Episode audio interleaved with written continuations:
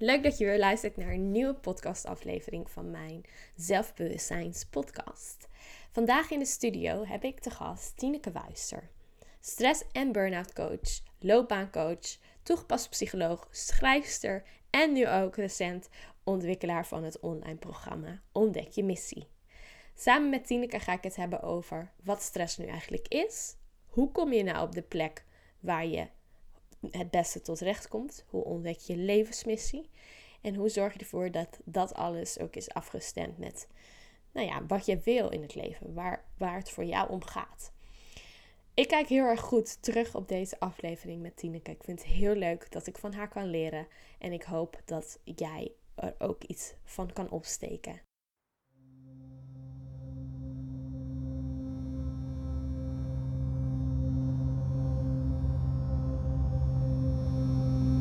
Welkom bij de Zelfbewustzijns Podcast Show. Mijn naam is Teersa en samen met jou ga ik op zoek naar het antwoord op de vraag: wie ben ik en wat wil ik nou eigenlijk? Deze show is voor jou als je meer wilt leren en meer wilt groeien in persoonlijke ontwikkeling en zelfbewustzijn. Leuk dat je luistert en welkom bij de Zelfbewustzijns Podcast.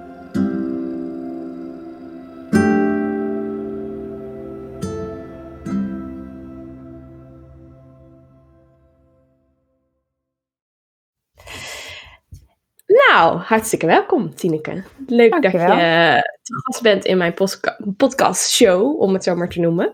En eh, nou, ik vind het heel leuk dat je er bent, want ik wou eigenlijk al best wel graag eh, al, wat langer. Toen, zeg maar, toen ik het idee had om een podcastshow te beginnen, toen was jouw naam al een van de enigen die eh, oppopte. Nou, leuk. Dat lijkt me super interessant om, eh, om eens met jou door te kletsen, ook over jouw achtergrond. Dus, nou, hier zitten we. Ja, op superleuk. beeld in ieder geval. Maar eh, mijn eerste podcastaflevering op, eh, op afstand. Dus eh, het is ook een beetje Mijn eerste überhaupt. leuk. hey, eh, allereerst duiken we gewoon gelijk erin. Want ik ben heel erg benieuwd wie jij bent. Ik ik ken jou al een beetje, maar ik denk dat de meeste luisteraars jou niet kennen. Dus wie is Tineke? Nou, waar zal ik beginnen? Ehm, even kijken. Ik ben dus Tineke Wuister, 43 jaar inmiddels. En ik woon in Eindhoven, dus best een eindje bij jou eh, vandaan in Drachten. Ehm, ik, heb, eh, ik ben getrouwd met Sander al eh 21 jaar. En we hebben drie zoons eh, van 17, 13 en 10 jaar. En ehm, ja, wat, ik, wat ik meestal wel leuk vind om te vertellen is dat ik ooit begonnen ben met loopbaan als eh docent Frans. Eh, dus ik heb Frans gestudeerd in, eh, in Utrecht. En eh, toen een paar jaar voor de klas gestaan. En ehm, toen dacht ik, joh, ik vind eigenlijk ehm, jonge mensen heel leuk. Dus ik was ook best wel idealistisch het onderwijs ingegaan. Zo van, ik ga jonge mensen helpen op weg naar de volwassenheid en zo. Maar ondertussen moest ik ze gewoon Franse grammatica leren. En dacht ik, ja, hmm, is dit nou wat ik zo graag wilde? En toen na vier jaar dacht ik, nou nee, volgens mij eh, is dit toch niet eh, de plek waar ik moet zijn. Dus toen ben ik een eh, loopbaantraject gaan doen en ontdekte ik dat ik eigenlijk echt wel met mensen de diepte in wilde. Ehm, nou, ik deed allerlei ontdekkingen over mezelf en wat ik nodig had en wat ik belangrijk vond. En toen dacht ik, nee, ik, ik moet heel iets anders gaan doen. En toen ben ik op mijn 28ste psychologie gaan studeren, toegepaste psychologie. Ah. En eh, dat was echt een gouden greep. Want eh, ik merkte dat ik daar zoveel blijer van werd en zoveel meer energie van kreeg. En dat het eigenlijk ook gewoon een soort van het, ja, ik zeg wel eens, een opleiding is echt een toegangskaartje tot een bepaald vakgebied. Dus de dingen die ik nu doe, ja, dat, dat had ik niet, gedaan, niet kunnen doen, denk ik, zonder dat ik die opleiding had gedaan. En ehm, nou, toen ontdekte ik, omdat het mezelf zoveel bracht, dat ik dus een, een andere of een switch maakte in mijn loopbaan. Ja, weet je, dan kom je daar met mensen over in gesprek. En dan merk je eigenlijk dat er best wel veel mensen zijn die, die rondlopen en, of iets doen en denken, ja, poeh, is dit het nou wel? Dus ik merkte dat ik daar een soort van passie voor kreeg, voor dat soort mensen. En dat ik dacht, oh joh, ja, je kunt echt zoveel meer energie uit je werk halen. Dus eh, toen ben ik loopbaancoach geworden. En ehm, toen ontdekte ik eh, op een gegeven moment dat heel vaak, eh, hè, als je slecht in je werk zit, dat je daar ook heel veel energie kan lekken. Uh, dus daar kun je stressklachten van krijgen. Daar kan je zelfs burn-out van raken. En toen ben ik me gaan specialiseren op stress- en burn-out coaching. En dat is eigenlijk wat ik nu doe. Dus um, dat zijn eigenlijk mijn twee uh, specialisaties. Dus ik ben een toegepast psycholoog en ik werk als loopbaancoach en stress- en burn-out coach in mijn eigen onderneming. Ja, en dat is eigenlijk dus allemaal begonnen op het moment dat je zelf een loopbaantraject deed. Ja. Ja, daar ja. heb je het zaadje geplant. Ja, ja wat, zeker. Wat, wat zijn dan de, zeg maar, de inzichten geweest voor jou destijds die jou dus hebben gebracht bij waar je nu bent? Waar je nu staat? Wat, wat maakte dan dat, dat dus je loopbaan Frans docent dus niet meer matchte of niet bij je Ja. aansloot? Ja, ja ik, eh, een, een paar dingen. Dus ik merkte, ehm, als ik naar mezelf keek in vergelijking met collega's bijvoorbeeld, dan waren die echt, ik noem dat wel eens francofiel. Dus die waren helemaal gek van Frankrijk. En als er dan voorjaarsvakantie was, een weekje, dan gingen ze naar hun favoriete Franse streek om hun vrienden op te zoeken en hun favoriete Franse snoepjes te kopen. Oh. En, en ik dacht echt, ja, weet je, eigenlijk is dat hele Frans maar een beetje ver van mijn bedshow. Ik, het liefst werk ik gewoon met wat ik om me heen zie, wat relevant is voor mij, waar ik elke dag mee geconfronteerd word. Uh, dus, dus dat was één. En ik merkte ook dat ik uh, in die jaren dat ik uh, les gaf, dat het me echt veel energie kostte. Dus dat ik aan het eind van de dag helemaal op was dat ik 's ochtends soms geen zin had. Dat ik als ik maar ergens een pijntje of, of een klachtje, dat ik me ziek meldde, weet je wel. Dus, dus dat ik echt dacht, ja, weet je, het, het, het levert me gewoon geen energie op. En er waren wel momenten dat dat wel gebeurde. Dus als ik echt met jongeren in gesprek raakte over dat, dat iemand zei dat hij, weet ik veel, dat hij het zo moeilijk vond om zichzelf te accepteren of zo, weet je wel. Dat, dat kwam soms zo ineens ter sprake en dat, dat vond ik heel leuk. Dan dacht ik, oh, en dat maakte mijn hele dag goed, weet je wel. Dus dat ik dacht, oh, ja. oh er zijn dus blijkbaar bepaalde krenten in de pap. Ja, als ik daar nou eens mijn werk van zou kunnen maken, dat is, dat is veel leuker. En dan al die dingen waar ik eigenlijk dus geen energie van doe, als ik die dan soort van weghaal. Maar ja, dan kom je dus eigenlijk op een heel andere baan terecht. Ja, ja. ja en ik kreeg, ik kreeg ook uh, mijn oudste zoon, Ruben.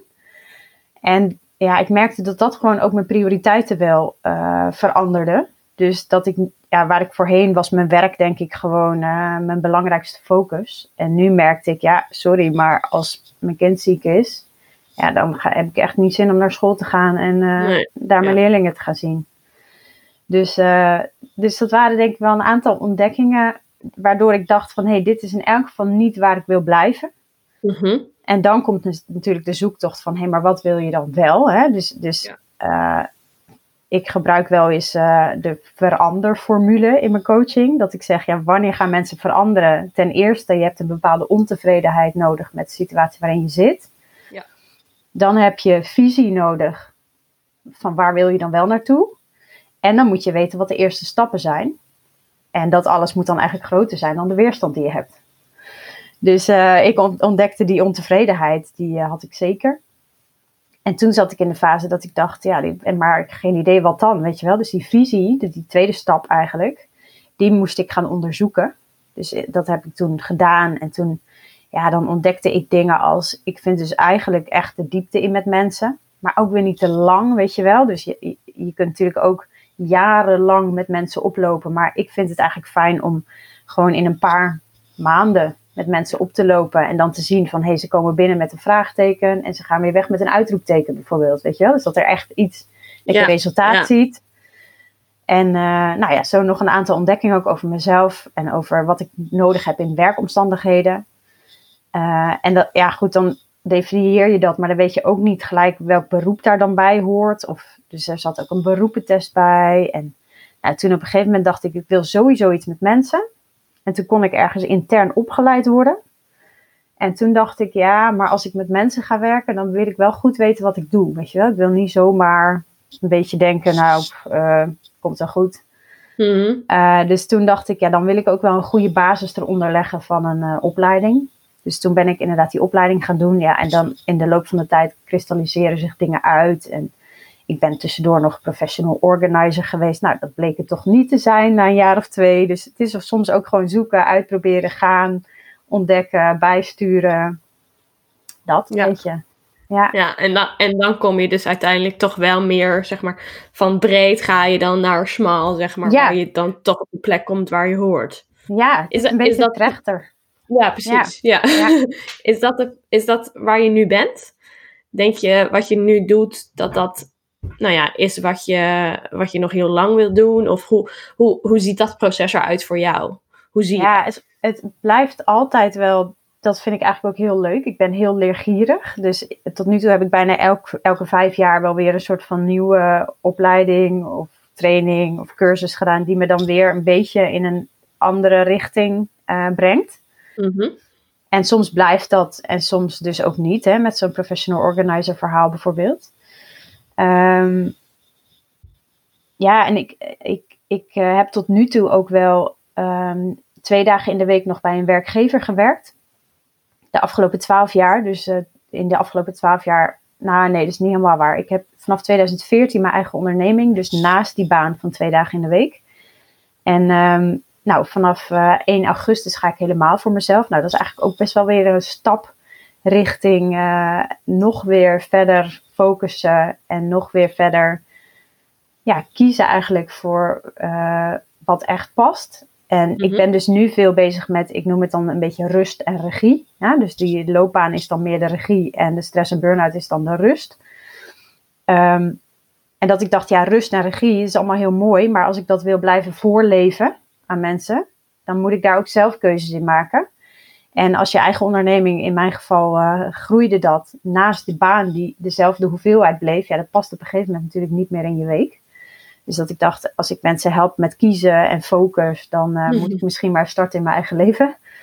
Dus, eh, dus daarin blijf ik ook wel ontwikkelen. En of ik dit blijf doen, vast wel. Maar in welke vorm en of er nog iets bij komt, en, geen idee. Dus ik merk dat ik daarin steeds wel aan het ontwikkelen blijf. En dat ik dat nou eigenlijk juist ook wel heel leuk vind. Ah, mooi dat je dat zegt, van dat je denkt, ah, nou, geen idee. Ik zie wel, zeg maar, waar het dan op uitkomt. En dat het dus zo wissel- wisselend kan zijn. Dat herken ik wel. Ja, Dat, dat, dat, nou ja, in de zin van, ik heb heel lang gedacht, oh, dan studeer, studeer je af en dan moet je blijven op die plek, zeg maar. En dan, Hmm. dat is dan je baan voor de rest van je leven. En dat benauwt mij heel erg. oh ja. Oh nee, ja. dat wil ik niet. En eh, dat ik ook wel merk dat je met, nou ja, elk jaar dat erbij komt, dat je toch weer een andere stap kiest. En dat, Ja, maar dat het een proces is in plaats van, dit is het of zo. ja. Dat, mooi dat je dat eh, benoemt, ja. ja en het is, het is wat ze vaak wel zeggen is eh, tot je dertigste, eh, 35ste ben je vooral veel dingen aan het ontdekken. En probeer je allerlei dingen. Dat is dus een hele dynamische fase. En daarin ontdek je dus allerlei dingen die wel en niet bij jou matchen.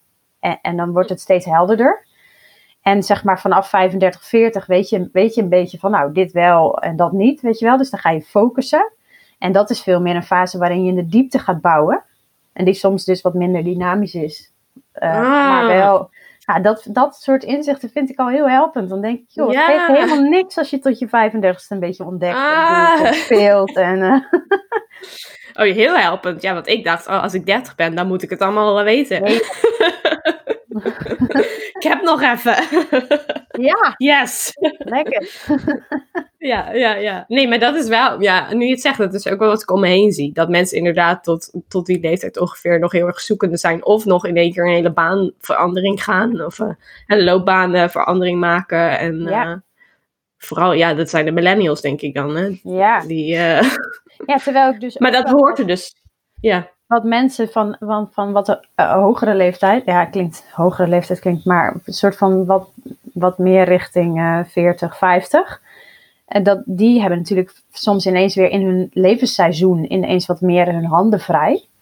Uh, dus in die leeftijd merk ik ook wel uh, dat mensen Oh, ja. dan aan het zoeken zijn weer van hé, hey, uh, mijn kinderen worden ouder, ik krijg weer wat meer ruimte, weet je wel. Ja, blijf ik dit nou doen tot mijn pensioen, weet je wel? Oh ja. En dan kunnen Oh, er ja. soms ineens ook nog hele mooie koerswijzigingen ontstaan. Dus Ja. eh, dat is wel leuk. Maar ja, ja, millennials hebben dat natuurlijk sowieso wel aan het zoeken. Ja, ja, ja. Ja. Ah, leuk. helpend, ja. Heb ik ook weer wat geleerd vandaag. Kijk. hey, en ehm, hoe blijf jij dan in dit, dit hele proces van zoeken van hey, wat, wat past nou het beste bij mij en uh, uh, loopbaan, welk werk en ondernemen? Hoe blijf je daarin dan dicht bij jezelf? Wat zijn jouw tools om, om het echt vanuit van binnen te doen? Vanuit wie ben ik en wat wil ik? Um, even denken. Ik denk dat in mijn geval ik um, op een gegeven moment wel wat kaders heb. Dat ik weet van, joh, hier moet het sowieso dus aan voldoen. Dus wat ik net zei, uh, resultaat, een paar maanden, um, met mensen de diepte in. Uh, ze helpen bij een vraag die ze hebben en dan, nou ja, dat het een uitroepteken wordt. Dus dat zijn denk ik de kaders wel. En, en het rust en regie, weet je wel. Dat zijn dus denk ik de, de kaders waarbinnen het voor mij een beetje gebeurt. Mm-hmm. En daarbinnen is dan weer van alles mogelijk. Dus daarin probeer ik ook gewoon soms dingen. Um, en merk ik dat sommige dingen beter aansluiten dan andere. Um, maar dus ik vind dus uh, uh, enerzijds zeg maar um, jezelf blijven is heel belangrijk. En aan de andere kant zo af en toe eens iets kiezen of doen wat, wat nog niet jezelf is. Dus wat uit je comfortzone gaat. Om gewoon te zien van hé, hey, kan ik mijn comfortzone vergroten? Want zo werkt het natuurlijk vaak. Als je uit je comfortzone stapt, is dat in het begin spannend en eng. En, maar op een gegeven moment is dat ook weer je comfortzone geworden. En vergroot je daarmee eigenlijk je gebied. Mm-hmm. En dus jezelf ook ruimte geven om uh, te spelen. En dan te denken, is dit het wel of niet? Dus ik ben op een gegeven moment veel meer gaan leven, zeg maar, met het idee van um, experimenten. Dus ik, ik, ik geef mezelf gewoon experimenteerruimte. En dan, uh, nou ja, dan geef ik mezelf uh, zes weken of zo om met iets te oefenen, of een half jaar. En dan bedenk ik na een half jaar van, hé, hey, is, dit, uh, is, is dit het? Levert het me iets op? Dan blijf ik het doen. En zo niet, dan stop ik ermee. Dus, en daarin ontdek je dan vanzelf wel of het wel of niet past bij wie je bent. En soms moet je ook de manier waarop je dingen doet veranderen. Dus ik ben de laatste tijd best wel aan het groeien in zichtbaarheid op Instagram bijvoorbeeld. Ik heb ook een Mhm. Instagram coach die me daarbij helpt. Maar ja, ook daarin is het zoeken van je, je probeert dus iets en je denkt, ah nee, nee, dit voelt niet als mij, weet je wel. Ja, ja. En soms is het dan kwestie van toch even doorgaan. En wordt het dan op een gegeven moment wel meer van jezelf. En, en soms blijft het gewoon een bepaald gevoel van onrust. En denk je, nou nee, nee, dit moet toch anders. ja, Dus ja. ja. voor mij is dat dan gewoon voelen. Maar ook wel dingen durven en doen. En uh, ja, het woord falen, zeg maar, veranderen uh, in leren. Dat helpt ook Hmm. heel erg. Mooi. Dus ja. als, als een experiment soort van uh, ja, niet slaagt, of, of de uitkomst niet is wat je had gewild, dan is je experiment nog steeds geslaagd. Want een experiment kan slagen of, of, of kan Ja, een positief ja. of negatief resultaat, maar ja, dan weet je het wel. Ja, ja. Dus, uh, dus dat helpt mij heel erg. Ja, En dat haalt ook wel de druk, tenminste, ik denk dat, uh, tenminste, dat herken ik ook wel weer, maar ik denk ook veel met mij, dat je uh, dus iets moet doen en dat moet het gelijk slagen, zeg maar. Ja. Dan uh, moet gelijk een succes worden. Moet Ja. super, eh, super veel geld binnenhalen of eh, veel volgers hebben of zo. Maar eh, ja, om het te zien als een experiment, dat is natuurlijk wel, dan, dat haalt echt de druk eraf, denk Ja. ik. ja. Ja. Ja. ja dat klopt. En hoe want ik, de, ik ben dan wel heel erg bezig met doen wat goed voelt. En ehm, zeg maar mijn intuïtie ook volgen daarin. Van hey, welke eh, koers ga ik daarin? En eh, eh, wat, wat, wat past nou echt bij de kern, zeg maar. Ja. Ehm, is dat ook iets waar, waar jij mee bezig bent? Of en zo ja, hoe- hoe doe je dat dan? Of is het meer van, nou, ik zie wel. Kijk wel. Doe inderdaad experimenten en... Nou, weet je, als een experiment slaagt, dan, uh, dan weet je dat, het, dat, dat je daarmee door mag gaan. Mm. Um, dus even een voorbeeld. Ik heb um, ooit het boek Miracle Morning gelezen. Ik weet niet of het je iets zegt, maar het gaat over ja. een ochtendroutine. Mensen die extreem vroeg opstaan en dan de dingen gaan doen die, uh, die eigenlijk de rest van de week een beetje ja, soms van je agenda afglippen, maar die wel heel belangrijk zijn. Nou, ik, toen ik dat las, dacht ik van, oh ja, dit, dit, klinkt wel echt goed, maar ook wel ja, ga ik dat dan echt doen? Moeder van drie kinderen, vroeg opstaan. Maar goed, ik dacht op 17 januari 2017, ik weet het nog precies. Ja. Ik ga dat gewoon een maand lang doen. Ja. En in plaats van zeven uur, want ik stond altijd rond zeven uur op, en, maar dan was het eigenlijk net iets te laat. En dan draaide ik me nog een minuutje om en dan was het ineens een kwartier later, weet je wel, dat idee. En dan uh, moest ik ineens haasten, weet je wel. En toen dacht ik gewoon, nou weet je wat, ik uh, ga gewoon uh, zes uur op. Gewoon een uur vroeger. Ik probeer het gewoon een maand. En als het me iets brengt, blijf ik het doen. En zo niet, dan niet. Ja, nu doe ik het nog steeds. Dus op een gegeven moment merk je van, hé, hey, dit brengt me echt iets. En dan doorpakken.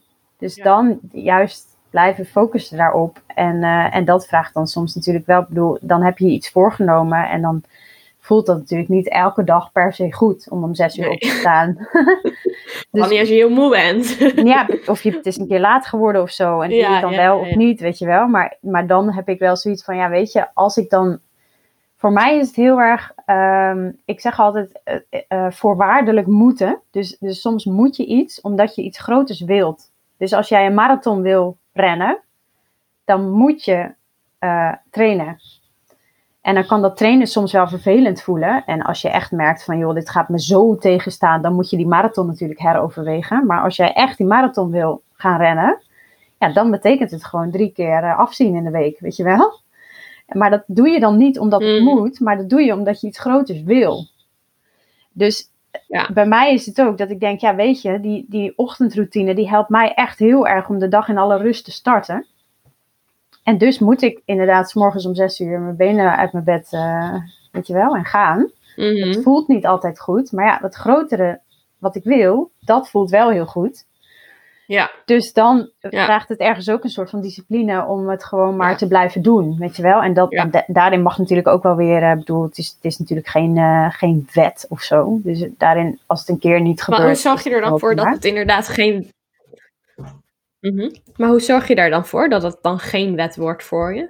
Ja, dat is een goede vraag. Ik denk dat dat.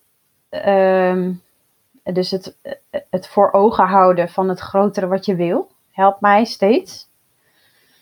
Ehm, ja, en ik weet vanuit de uh, uh, psychologie over bijvoorbeeld gewoontevorming dat als je een gewoonte start, hè, dan vraagt dat heel veel wilskracht. Uh, maar op een gegeven moment dan is dat een gewoonte. Dus dan ga je het gewoon doen. Dan kost het je dus niet meer die wilskracht. Maar ik weet wel dat als je zeg maar een, een aantal keer achter elkaar je gewoonte weer doorbreekt, dat je weer opnieuw moet bouwen aan die gewoonte. Dus dat zit dan ook in mijn hoofd. Dat ik denk, ja, één keer uh, niet doen is, vind ik helemaal prima, weet je wel. Maar als ik te vaak met deze gewoonte ga stoppen, ja, dan, dan kan ik daarna weer opnieuw beginnen. En dan denk ik, oké, wat, wat wil ik nu? Wil ik nu dan toch langer in mijn bed blijven liggen elke ochtend? Of wil ik nog steeds, dus sta ik nog steeds achter mijn grotere why? En dus dat is dan opnieuw een overweging maken voor jezelf. Van hé, hey, wat, wat vind ik hierin dan nu het belangrijkste? Ja. Ja, ja dus, dus de, de, wel de genade soort van hebben dat, je, dat, je, dat het ook echt wel een keer gewoon niet lukt. Of uh, dat dat oké is maar ook wel, dus het is volgens mij een soort van balanceren tussen discipline en genade of zo, of mildheid of ja, ja, zoiets. Ja. ja, maar daarin dus wel altijd eigenlijk, voor jou helpt het dus heel erg om dat grotere plaatje van waar wil ik naartoe, wat, hè, wat, wat voor mij nou echt belangrijk, dat voor ogen te houden. Ja, ja. En dat is een soort van je, je vergezicht, zeg maar. En in alles wat je doet, koppel je daaraan of eh, stem je af, zeg maar, met dat wat je, waar je naartoe gaat. Ja. ja. Ja, mooi. En dan is het experimenteren dus eigenlijk ook van wat lukt wel, wat lukt niet, is eigenlijk uiteindelijk, uh, uiteindelijk kristalliseert het zich uit ja. in wat, wat, wat je echt wil. Ja. Tenminste, ja. zo een beetje ja, goed ja, kan verwoorden. Ja, zeker. ja. Herken je er iets van? Ja, ja, ja. Jawel, maar ook wel dat ik merk dat ik dan ehm, dat voor mij het grote plaatje nog niet helder is. Oh ja. Dus dat ik nog heel erg in de uitprobeerfase zit. Ja. uh, misschien uh, passend dus bij de leeftijd. Ja. ja, dat het ergens heb ik dan, soms heb ik wel dat, het idee, oh, daar moet ik echt naartoe. En het volgende moment denk ik, hmm, nee, Hmm, het is het toch wel. niet. Ja. Ja, ja. En dan, ehm, ja, dus dan is het nog heel erg zoeken, zeg maar, van wat doe ik dan wel en wat doe ik dan niet. En eh Ja. ehm, matcht dit nou wel echt, zeg maar. Som, ja. ja, En sommige dingen die zijn dan wel, eh, die komen dan steeds wel terug. Of die, dat wil ik dan echt heel graag. Bijvoorbeeld, wij willen heel graag op reis. Oh ja. Echt voor een langere tijd. En dat is iets wat, wat steeds weer zich heeft aangediend, zeg maar. Waarvan ik in alles blijft het terugkomen. Ja. Dus eh, dat, daarvan denk ik, volgens mij moeten we dat misschien eerst doen voordat ik Ja. het grote plaatje kan zien. Want het blijft maar terugkomen. Het staat nog Ja. in de weg, zeg maar, voordat, voordat het meer helder wordt. Ja. Dus eh, ja, zeker herkenbaar daarin dan. Ja. Ja, het is wel grappig dat je dat zegt, want dat herken ik ook wel. Dat soms dus je eh, nog niet goed misschien bij je diepste kern kan komen, omdat er dus nog allerlei dingen een soort van omheen zitten of zo. En dat je dus soms eerst wat moet afpellen of juist, nou ja, zo'n reis misschien maar eens moet gaan maken. Want dan ben je natuurlijk ook een soort van weg van alles. Ja. En dan, ja, weet Ja. je, ik merk dat afstand nemen tot je dagelijkse dingen soms heel erg helpt om het grote plaatje helder te krijgen. Ja, Dus in mijn geval was het in 2015 heb ik een kloosterweekend gedaan, bijvoorbeeld. En dat was ook zo helpend om gewoon even weer een nieuwe visie te krijgen voor de komende jaren. En dat lukt dan gewoon soms niet als je thuis blijft, weet je wel. Dan heb je Mhm. gewoon al je dingen. En terwijl als je afstand neemt, en ja goed, een kloosterweekend is een weekend, weet je wel. Maar een reis is waarschijnlijk een heel stuk langer. ja. Maar ja, dat Ja, maar- is hetzelfde ja. principe. Ja, ja. Ja, precies. Ja, en dat, ja, dat, maar dat klopt wel. Ja, want dan op, op een gegeven moment dan zit je, zie je door de bomen gewoon letterlijk het bos Precies. niet meer. Want dan Ja. zit je midden in de situatie en dan doe je maar vanuit die situatie, zeg maar. Ja, ja ik herkende, dat, dat heb ik ook heel erg gehad bij mijn oude baan. Toen werkte ik in de kinder- en jeugdpsychiatrie als orthopedagoog. En eh, ja, op het moment dat ik daarin zat was het wel prima. Maar toen ik daarmee gestopt was, toen dacht ik echt... Man, ik, hier wil ik dus echt nooit weer naar terug. Nee. Zo niet een werkomgeving die bij mij past. Nee? Nee. nee. Oh ja. Maar dat heb je pas op het moment dat je er dan uitstapt. Ja, Ja. precies. Ja. Heel belangrijk afstand nemen. hey, ehm, jij eh, werkt best wel veel met stress en met burn-out eh, klachten. Ja. Ehm, hoe, hoe ben je daar zo bij gekomen? Ha. Nou, ik denk, ik denk dat het ontstond. Ik heb ooit een intakegesprek met iemand gehad.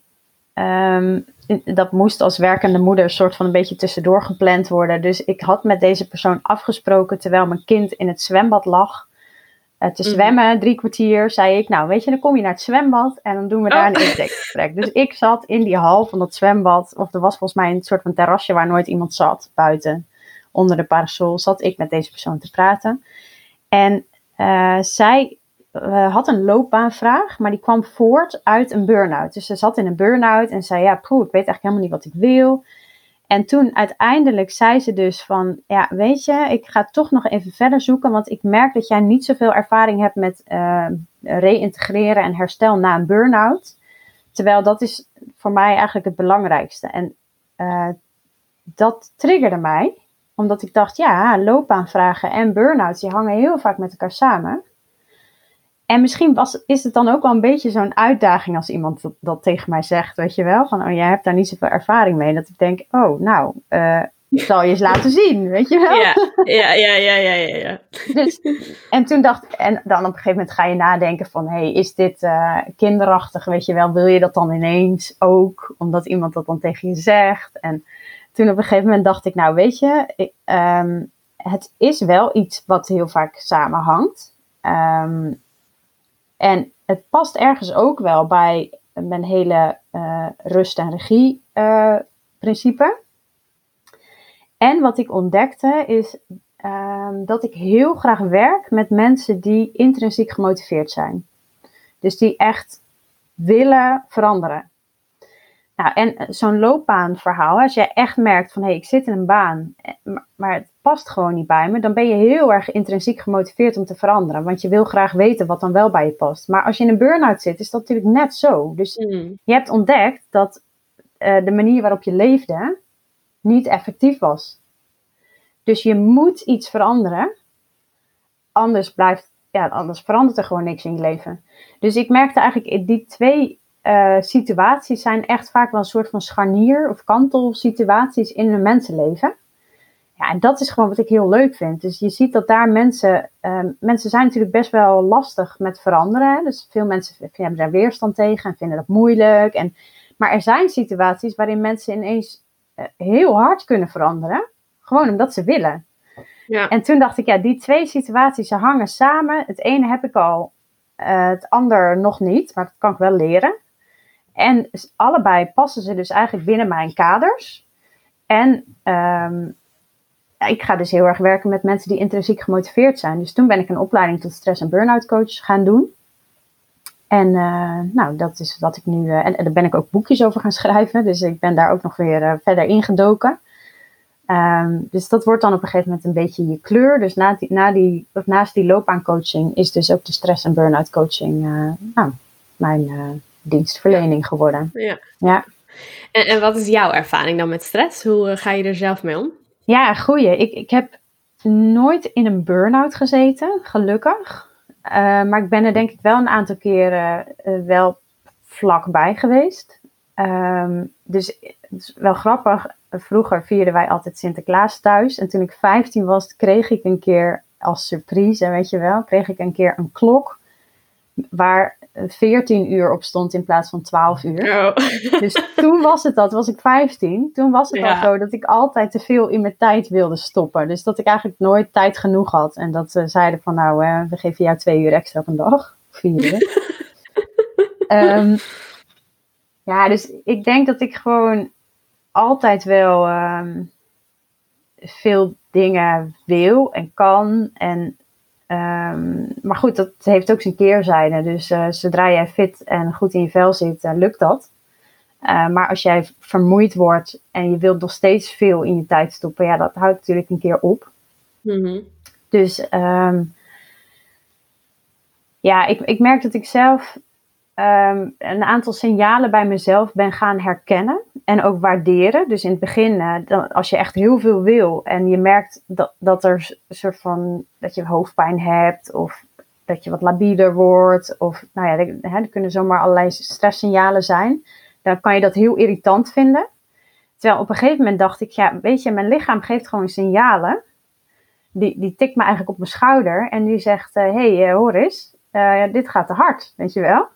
Dus als mhm. je luistert naar de signalen in je lichaam en, en dan weet wanneer je als het ware mag gassen en wanneer je op de rem moet gaan staan, ja, dan helpt dat gewoon heel erg om uh, soort van niet in een vicieuze cirkel te komen, maar uh, bijtijds uh, actie te ondernemen op wat er, nou ja, hoe, hoe het met je gaat, weet je wel.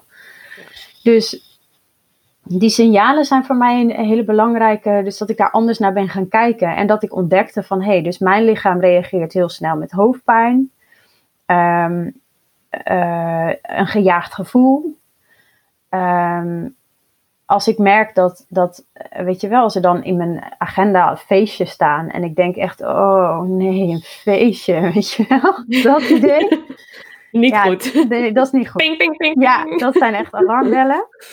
Dus als je op een gegeven moment een beetje leert van, hé, hey, dat zijn dus bij mij de dingen waar het is. Ik ben, ik ben best wel introvert. Dat betekent dus dat ik gewoon tijd met mezelf nodig heb. En dat als ik moe ben, dat, dat je mij beter gewoon uh, even in mijn eentje kan opsluiten in een ruimte. Dan dat je mij nou uh, op een druk feestje moet gaan zetten. Nou, als je dat op een gegeven moment van jezelf weet, ja, ja dan helpt dat gewoon heel erg.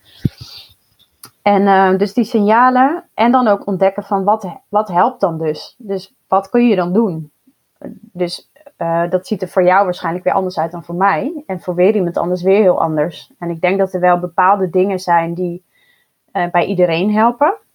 Ja. Uh, die ook gewoon onderzocht zijn. Van hé, hey, nou, waar vroeger gezegd werd bij een burn-out bijvoorbeeld van neem gewoon rust, ga op de bank zitten, niks doen en dan over een paar weken ben je er wel weer. Ja, dat, dat is eigenlijk helemaal niet een goede manier. Um, dus er zijn veel effectievere manieren om weer op te laden.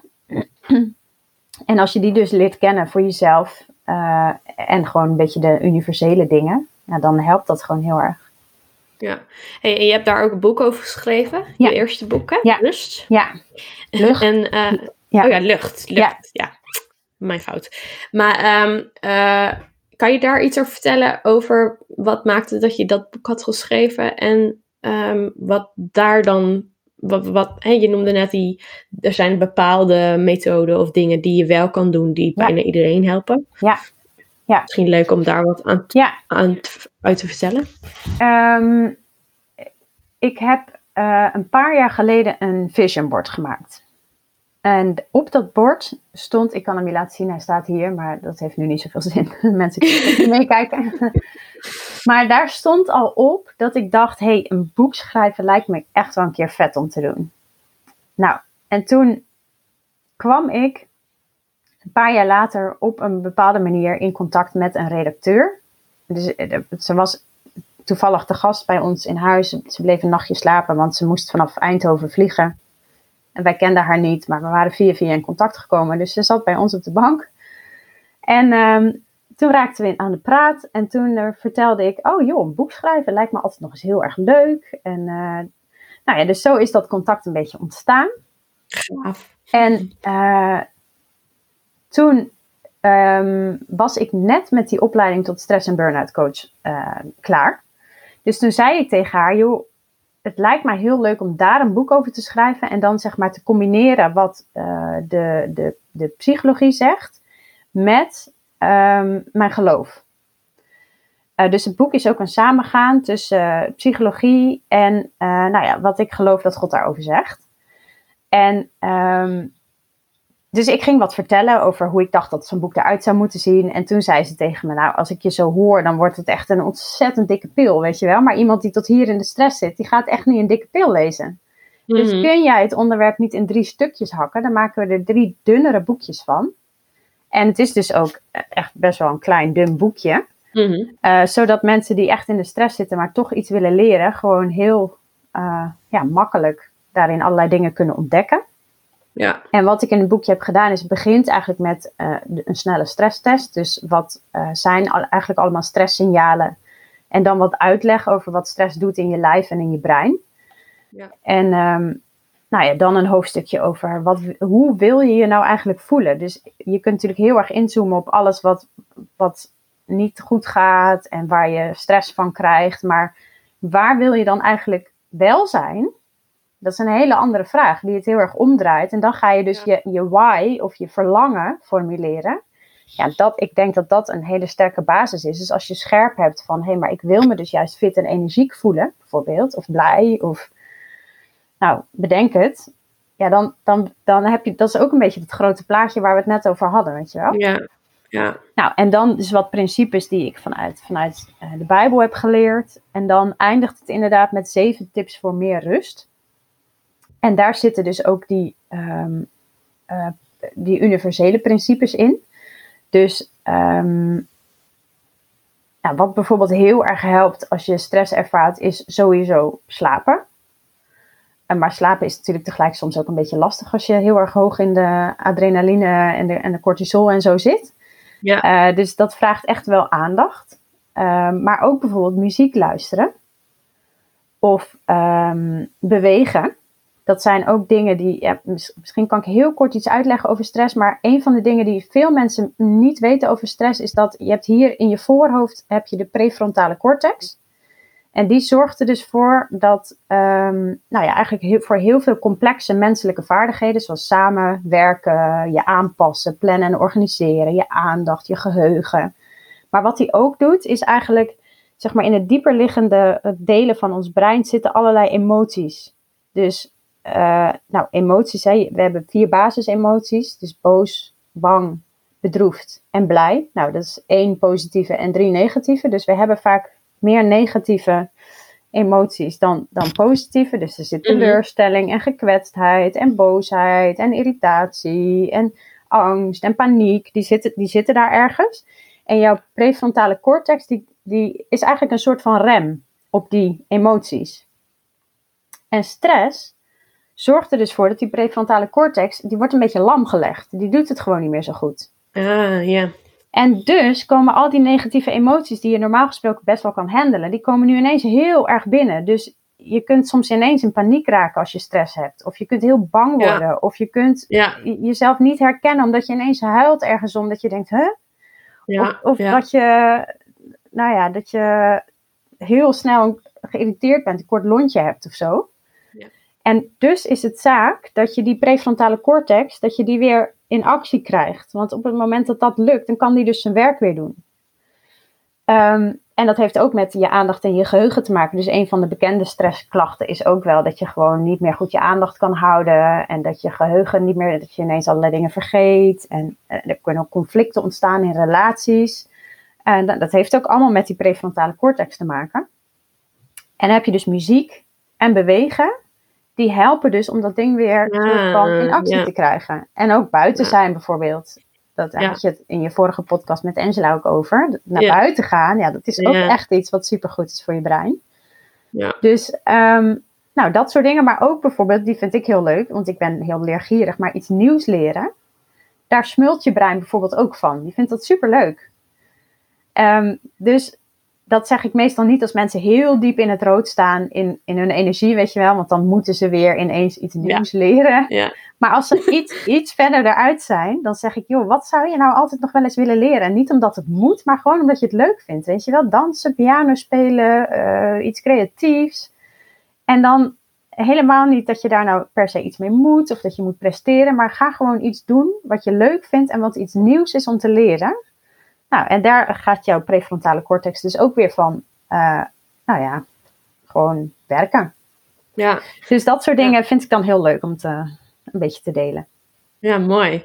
Ah, interessant, ja. Dat het dus vooral in je prefrontale cortex zit, inderdaad. Want je hoort natuurlijk wel heel veel over de hormonen, ja. de adrenaline en de cortisol. Maar um, dat het dus belangrijk is om die weer op gang te krijgen. Want dan kan die die emoties weer reguleren. En uh, ja, ja, ja, grappig. Ja, want als ik stress heb, dan maak ik ook van de kleinste dingen echt een groot probleem. Ja. Dan kan ik het ook niet meer relativeren. Nee. Dan is alles echt ellendig. Ja, precies, ja. dat, ja, dat dus heeft te eh, maken. Ja, ja, ja. ja. Hey, en uh, heb, hoe, hoe, hoe, um, hoe sta je er nu zelf in? Heb je veel stress of heb je het idee dat het goed, uh, goed dat, dat het nu goed in balans is? Nou, ik heb, ik heb zelf wel een drukke periode gehad. Dus uh, ik ben aan het afronden bij mijn werkgever. En tegelijk mijn eigen bedrijf aan het opzetten. Dus ik merk dat beide echt wel veel van mijn energie en mijn uh, uh, aandacht vragen. Dus ik merk dat ik afgelopen nou, weken wel dacht van, oh hey, ik moet wel een beetje uitkijken. Want het zou wel een soort van erg zijn als de stress- en burn-out coach uh, burn-out zou raken. maar ja, dat kan natuurlijk ook gebeuren. En, ja, ehm, zeker. Dus... Maar en want hoe zorg je dan goed voor jezelf? Als je inderdaad zo'n drukke periode hebt, hoe zorg je dan... Ja, hoe, hoe zorg je dan goed voor jezelf? Wat, wat doe je dan? Of... Ja, nou, wat ik nu regelmatig doe, en dat is eigenlijk een beetje sinds, sinds corona, um, heel veel wandelen. Um, dus uh, meestal even na het eten s'avonds, samen met mijn man, uh, even een rondje, een uurtje of zo. Um, en dat soort dingen, ik merk dat als je heel druk bent, uh, dat het er snel bij inschiet. dus echt jezelf voornemen, want dat ga ik gewoon doen. op tijd stoppen. Um, dus je kunt dan ook heel makkelijk, nou ja, weet je, ik vertelde net al dat ik zo'n een Instagram coach heb. Dus wat zichtbaarder op aan ben op Instagram, ja, dat gaat ook forever door, weet je wel. Dus je kunt ook, als je ziet dat om negen uur je hele doelgroep nog het meest actief is, ja, dan moet je om negen uur nog even een story maken, weet je wel. Ja, ja op een gegeven moment moet mhm. je gewoon ook zeggen van, dat doe ik gewoon niet meer. Ja. Dus mijn werkdag is gewoon klaar dan en dan. Um, en dus ook echt in mijn agenda gewoon uh, uh, tijd plannen om te rusten. Uh, in het weekend neem ik dan soms ook wel eens gewoon tussen de middag even tijd om te liggen. Even een powernap. Of nou ja, inderdaad op muziek luisteren. Ja, en weet je, ook wandelen kun je natuurlijk alsnog heel gestrest doen, hè? Dus uh, je kunt natuurlijk door het bos wandelen en ondertussen gewoon helemaal niet zien wat, er te zien is en gewoon in je hoofd zitten. Dus als je buiten bent, ook echt een soort van je zintuigen open. Dus wat zie je, wat hoor je, wat voel je? Dat helpt mij heel erg om daarin uh, rust te ervaren. Ja. ja, mooi. Dus het zit hem vooral dan ook in de, de dingen die je normaal doet, die je dan eigenlijk blijft doen. Ja. Die, die dingen die jou helpen, die ja. dus niet zorgen, oh ik ben te druk, ik doe het niet meer, maar juist dan volhouden. Ja, precies, want dat gebeurt inderdaad heel vaak. Dat zie je bij mensen die stress uh, hebben. Dat ze inderdaad alles wat energie geeft, dat, dat wordt eruit, ja, daar hebben ze geen tijd voor.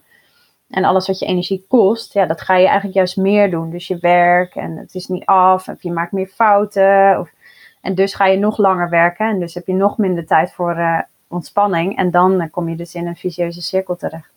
Ja, ja, ja. ja precies. Hey, en um, uh, jij hebt nu uh, recentelijk uh, een online programma ontwikkeld. Ja. Het Ontdekken van je levensmissie, als ik het goed heb onthouden. Ontdek je missie, ja. Ontdek je missie. En um, ook een boek geschreven daarover. Ja, ja, dat klopt. Of tenminste, ik heb ze een beetje aan elkaar gekoppeld. Ja. Ik weet niet of dat echt, echt zo is. Ja, of, het, ja, het klopt wel een beetje, ja. Ik... Um dus ik vertelde net dat hele dikke boek over stress. Dat kwam er niet. Dus dat werden drie dunne boekjes. Lucht, zicht en echt. En lucht gaat dan echt over uh, zeven tips voor meer rust. Zicht gaat over zeven tips voor meer focus. En echt gaat over zeven tips voor meer vrijheid. Nou, ik heb dus net zicht uh, uitgebracht. En een uh, belangrijk deel daarvan, dus de eerste helft van het boek, gaat eigenlijk over het grote plaatje. En waar kies je nou in je leven voor focus? En dat uh, hangt dus eigenlijk een beetje samen met je loopbaan of je levensmissie. Uh, een levensmissie hoeft natuurlijk niet per se in je werk te zitten, maar kan ook in vrijwilligerswerk of in een hobby zitten of uh, nou ja, dingen die je naast je werk doet. Maar... En toen dacht ik, ja, weet je, eigenlijk doe ik dit met mensen in een face-to-face -face, setting. Dus mijn loopbaancoaching tot nu toe was gewoon acht sessies van anderhalf uur face-to-face -face met mij. En uh, totdat ik een aanvraag kreeg uh, uit Drachten. En een aanvraag uit Middelburg. En een aanvraag uit uh, ergens West-Brabant. En ik dacht, ja, weet je, ik had al wel een klant uit Middelburg gehad. en die kwam dan eens in de zoveel tijd soort van helemaal naar Eindhoven rijden. Nee, joh, wow. En dan weer terug. En ik dacht, ja, dit is gewoon niet, niet houdbaar, weet je wel. Dus toen dacht ik, hoe kan dit anders? Dus eigenlijk al voor de coronacrisis was ik begonnen met het online te maken. Um, en zaten daar al een paar mensen in een uh, pilotversie. Nou, toen kwam corona en werd het natuurlijk eigenlijk alleen maar in een uh, sneltrein uh, of in een versnelling gebracht. En per 1 juli ben ik inderdaad, nou nu zitten er daar acht mensen in het programma. Dus uh, ja, dus dat is heel leuk. En het past dus inderdaad deels bij zicht, terwijl zicht ook wel iets breder is. Dus het gaat ook over hoe je je niet laat afleiden, hoe je kiest. Ja, Dat is voor veel millennials ook uh, lastig, kiezen. Ja. ja, en, en ontdek je missie is inderdaad dus deels een, um, uh, dus ik heb heel goed nagedacht. Het traject wat ik dus normaal gesproken face-to-face met mensen doe. Daar zit bijvoorbeeld een oefening in die gaat over van welke activiteiten krijg je nou energie? Om gewoon wat helder te hebben van wat zijn je energiegevers en, en wat niet. Nou, dat doe ik dan met een kaartspel. Dat ligt dan op tafel. Er liggen allemaal kaarten. Want mensen vinden dat soms heel lastig om maar uit zichzelf activiteiten te noemen. Terwijl als, als er allerlei dingen liggen, dan kunnen ze het vaak heel makkelijk pakken. En dan uh, zeg ik dus, nou, pak nou eens hier de dingen uit die je energie geven. Ja, ik hoef daar natuurlijk niet bij te zitten per se. Dus dat kan iemand ook zonder mij doen. Uh, want het kost natuurlijk toch wel een kwartier de tijd vaak, voordat mensen dat dan allemaal... Ja, dat kwartier zit ik en kijk ik ernaar. Ja, zonde eigenlijk, hè? Dus toen dacht ik, dit kan volgens mij anders. Dus ik heb heel goed nagedacht van, hé, hey, welk van de dingen in dat traject kunnen mensen eigenlijk prima zelf, zonder mijn aanwezigheid? En op wat voor momenten merk ik nou echt van, hé, hey, dit zijn echt strategische momenten waarin dus sparren of helpen kiezen of nou, soms spiegelen, uitdagen, confronteren of juist een liefdevolle stok achter de deur heel erg helpt. En op die momenten zitten dus in het programma uh, coachgesprekken. Die zijn wel uh, één op één met mij. En uh, als je dichtbij woont, ben je welkom in Eindhoven, maar anders kan het ook online. zodat, ja, ik, ergens geloof ik dus niet dat je, als je er echt al een soort van een jaar niet uitkomt, dat je helemaal mm -hmm. zonder persoonlijk contact ja. er dan wel uitkomt. Ehm, maar je kunt wel heel veel zelf doen. Dus het is echt een samengaan van een online training met uh, een aantal coachgesprekken. Mooi. Ja, en het leuke daaraan is dat, uh, dat het dus da daardoor toegankelijker is geworden voor mensen eigenlijk in heel Nederland. En um, nou ja, dat het, uh, de, dus de vorm is anders, maar de waarde is natuurlijk eigenlijk hetzelfde. Dus ik vind het een hele leuke manier om gewoon eens te kijken van, hé, hey, kan ik op die manier mijn bereik vergroten en dus ook meer mensen hiermee helpen. Tof. Hey, ja. En waar gaat je programma dan over? Kan je daar wat meer over vertellen? Ja, um, het, het idee is dat je dus een maand of drie soort van aan de slag bent. En dat je dan aan het eind van die drie maanden een soort van scherp hebt wat je precies wil. En de eerste stappen aan het zetten bent om daar te komen. Nou, en, en wat er dan in het programma gebeurt is, is allereerst dat je uh, gewoon eens gaat kijken van... hé, hey, waar ben ik nu en hoe ben ik daar gekomen? Dus de keuzes die je tot nu toe gemaakt hebt, ja, die heb je natuurlijk ook niet voor niks gemaakt. Um, en wat daarvan, dus misschien heb je al wat werkervaring of misschien heb je al wat, wat, wat dingen gedaan. Wat daarvan zeg je nou van hé, hey, dat gaf me echt veel energie. Daar werd ik heel blij van. En welke dingen matchten nou echt helemaal niet met jou. Dus daar zit al heel veel informatie in. Als je daar dus wat, wat dieper in, in gaat, wat, dat wat gaat uitrafelen als het ware, dan, dan kun je daar al heel veel schatten van informatie uithalen. Die ook weer helpen om naar de toekomst te kijken. Dus dat is de eerste stap. Nou, dan ga je in de, de tweede stap ga je echt kijken naar uh, wie ben ik en wat heb ik te geven. Dus daarin zitten, de, het eindigt eigenlijk met een persoonlijk profiel, zodat je op een A4'tje helder hebt van, hey, uh, nou ja, dan staan er vier kolommen op. De een is, waar krijg ik energie van? De tweede is, waar ben ik super goed in? En dan heb je de derde, die gaat, wat heb ik uh, nee, wat vind ik belangrijk en wat heb ik nodig? En daarvan zeg ik altijd, kijk, die eerste twee, hè, dus waar krijg ik energie van en waar ben ik super goed in, die bepalen eigenlijk soort van de richting uh, waarvan je, waar jij het beste in past. Dus is dat sociaal, of is dat artistiek, of is dat uh, veel meer organiseren, of nou, whatever. Maar die tweede, of die, ja, die laatste twee, dus wat vind ik belangrijk en wat heb ik nodig, dat gaat eigenlijk veel meer over de organisatie of de manier waarop jij werkt. Dus dat gaat bijvoorbeeld over, stel dat jij uh, eerlijkheid heel belangrijk vindt, maar je werkt bij een bedrijf waar je zo af en toe iets moet doen waarvan je denkt, ja, hmm, ik weet niet of ik het hier helemaal mee eens ben, weet je wel. Ja, dan, dan merk je dus dat mensen soms precies doen wat ze leuk vinden, maar dat er dus op een diep level een soort van ontevredenheid ontstaat, omdat het gewoon niet overeenkomt met hun persoonlijke waarden.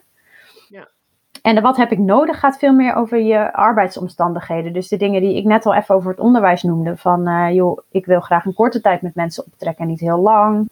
En sommige mensen zeggen, joh, voor mijn focus heb ik het echt nodig dat ik uh, een eigen werkplek heb. Ja, dan moet je niet in een bedrijf gaan zitten die heel erg uh, werken met kantoortuinen en weet je wel. Nee.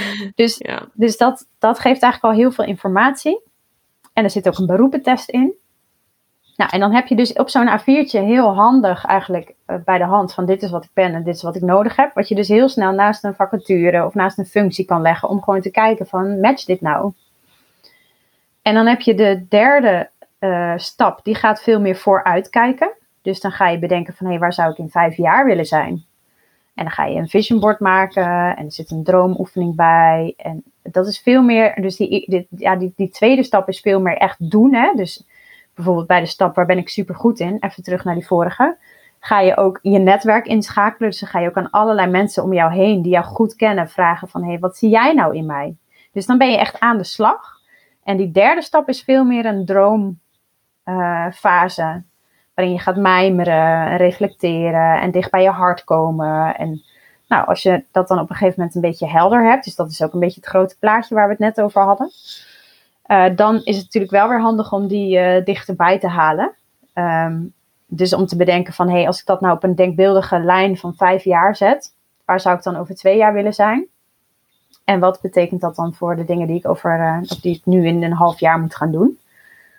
En dan is de vierde stap om echt in actie te gaan komen. Dus nou, voor veel mensen betekent dat dan toch een, een andere stap naar een andere baan of een opleiding nou ja, en dan eh, echt begeleiding bij van, hey, hoe doe je dat nou? Maar ook, hoe maak je nou een goede cv en een pakkende motivatiebrief?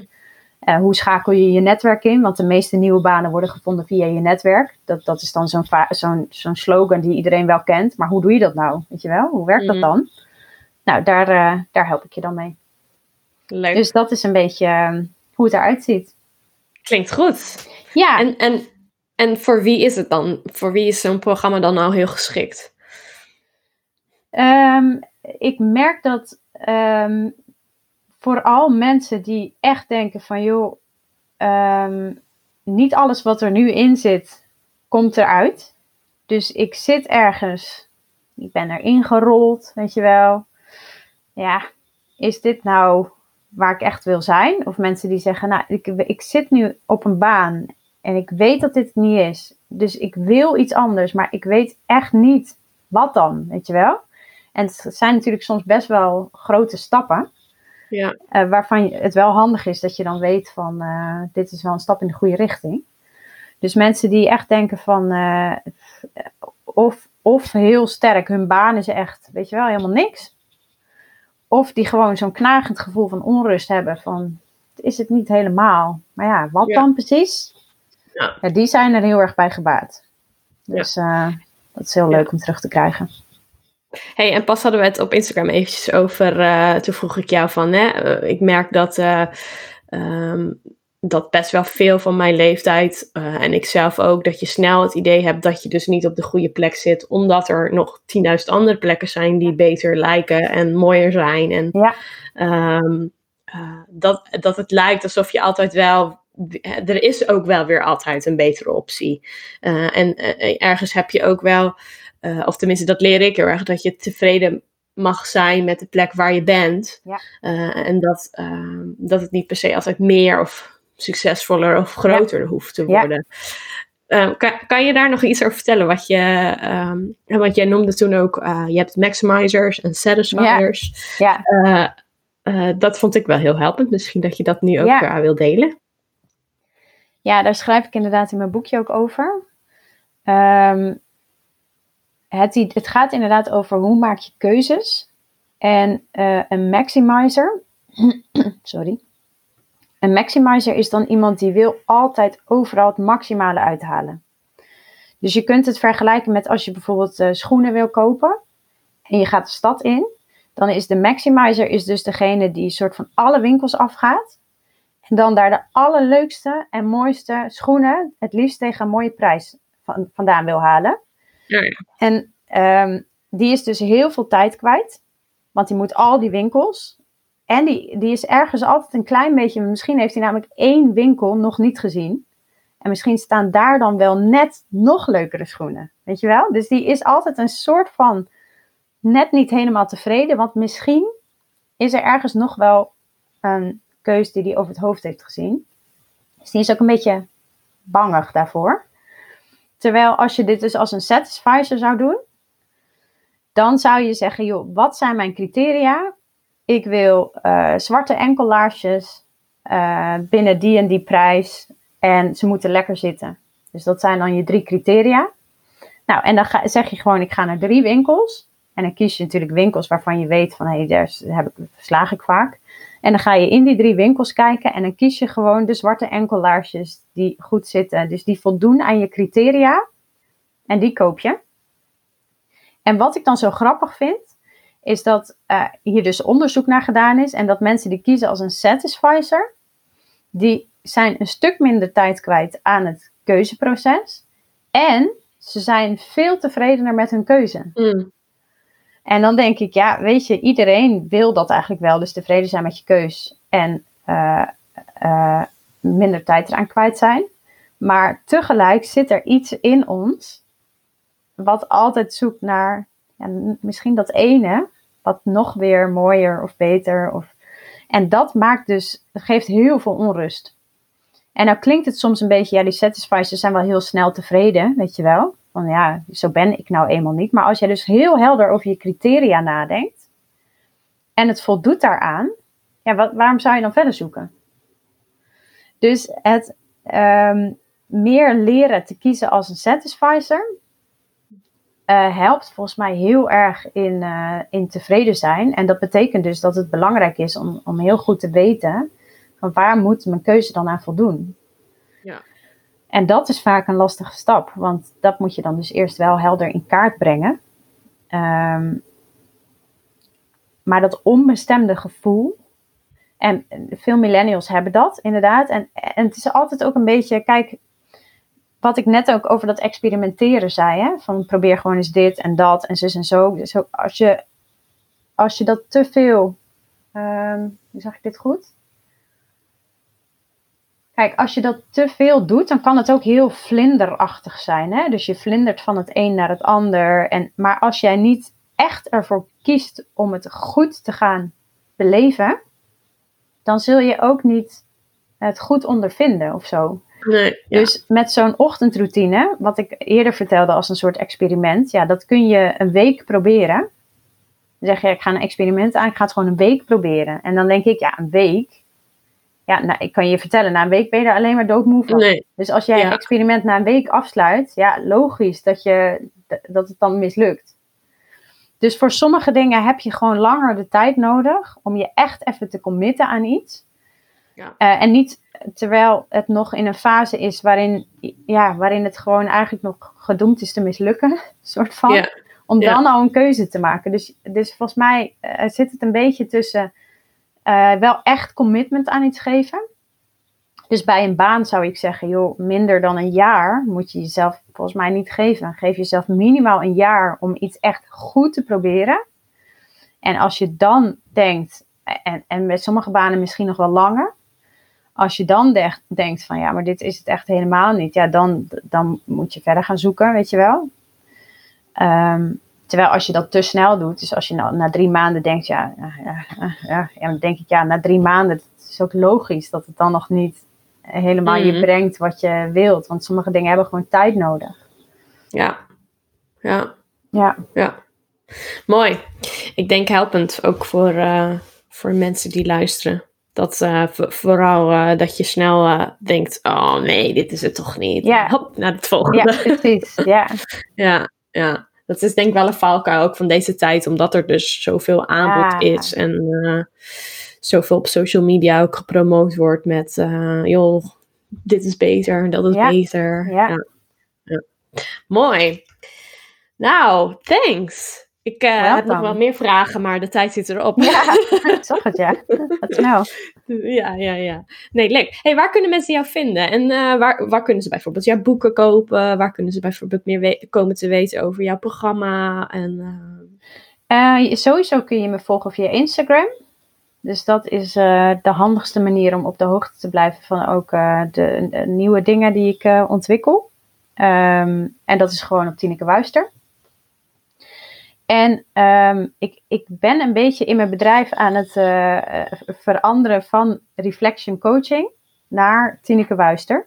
Dus mijn dienstverlening staat nog niet heel netjes op één pagina. Ehm, dus Tineke Wuister gaat het worden, tinekewuister.nl, maar er staat nu nog niet alles op. Dus voor mijn coaching kun je dan weer beter naar Reflection Coaching gaan. En dan is Reflection met een X. ah ja. Ja. Nou, ik, zet, ik zet de website allebei wel even Ja, heel podcast. goed. Dan, ik eh, eh, hoop dat ik daar binnenkort tijd voor heb. Maar eh, zo gaat dat soms. ja, stap voor stap, toch? Zeker. Ja. ja, ja. Hey, ik sluit mijn podcast altijd af met: ehm, heb jij nog één praktische tip rondom het ontdekken van je missie, stress? Wat is nou jouw meest, be- of de beste tip die jij toepast in je eigen leven, die jij eh, de luisteraar wil meegeven, die ze bij wijze van morgen al kunnen toepassen om dichter bij die missie te komen of meer stressvrij te leven? Wat, wat, wat is de nou, een goede praktische tip die gelijk al toepasbaar is. Oké. Nou, als het gaat over stress, dan zou ik zeggen ehm, dat een, een- ja, zijn in het moment. En dat kun je heel goed doen door dus al je zintuigen open te zetten, wat ik net al even noemde. Dus eh, dat kun je buiten doen, maar kan je ook binnen doen. Maar buiten is fijner. Gewoon even naar buiten lopen, al is het maar 10 minuten. En dan echt gaan kijken, wat zie ik? Weet je wel? Dus de vogels, de, de, de bomen die bewegen, kijk ernaar. En goed luisteren. Dus luister naar de vogels die je hoort of de wind die je... En dat je voelt de zon op je huid of juist een briesje. En dat je ruikt welke geuren zijn er. Dat helpt heel erg om in het hier en nu te zijn. Dus dat is uh, een tip als het gaat over leven met rust. Als het gaat om het ontdekken van je levensmissie. Um, ja, dan is denk ik voor mij een hele belangrijke dat je, je kunt heel erg zoeken naar datgene wat jou gelukkig maakt. Mm Terwijl wat ik wel heb geleerd is dat als je hem omdraait, dus wat heb ik te geven?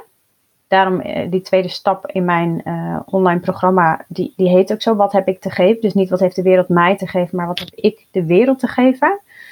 Als je daar begint, um, dan kun je soms via een omweggetje zo ineens iets vinden wat je gelukkig maakt. Dus het zoeken naar geluk kan uh, soms je heel ongelukkig maken. Terwijl als je zoekt naar waar kan ik toevoegen en waar kan ik met mijn kleur uh, iets mooi, de wereld een stukje mooier maken, dan kun je soms ineens uh, nou, het geluk in handen hebben. Mooi. Nou, thanks. Gewoon twee tips. Ja joh. Eind. Daar kunnen we wel verder mee. Mooi zo. Hey, heel erg bedankt Tineke. Leuk ja, dat je er was. En super leerzaam om van je te leren en van, van je ervaringen te horen. En nou, Jij heel erg bedankt. voor de uitnodiging. Heel leuk. Ja, graag gedaan. En uh, leuk dat jullie ook weer hebben geluisterd. En uh, tot de volgende podcast, zou ik zeggen.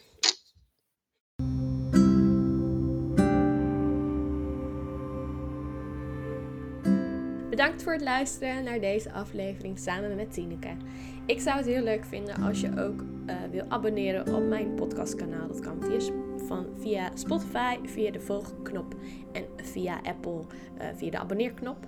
En uh, ik zou je heel graag willen vragen of je voor mij ook een recensie wil achterlaten op de Apple Podcast. Zodat mijn podcast beter gevonden wordt en ik meer zichtbaar word. En dat we meer mensen blij kunnen maken met zulke leuke podcast. Al zeg ik het zelf. Zou je dat willen doen, daar zou ik heel blij mee zijn. Dankjewel.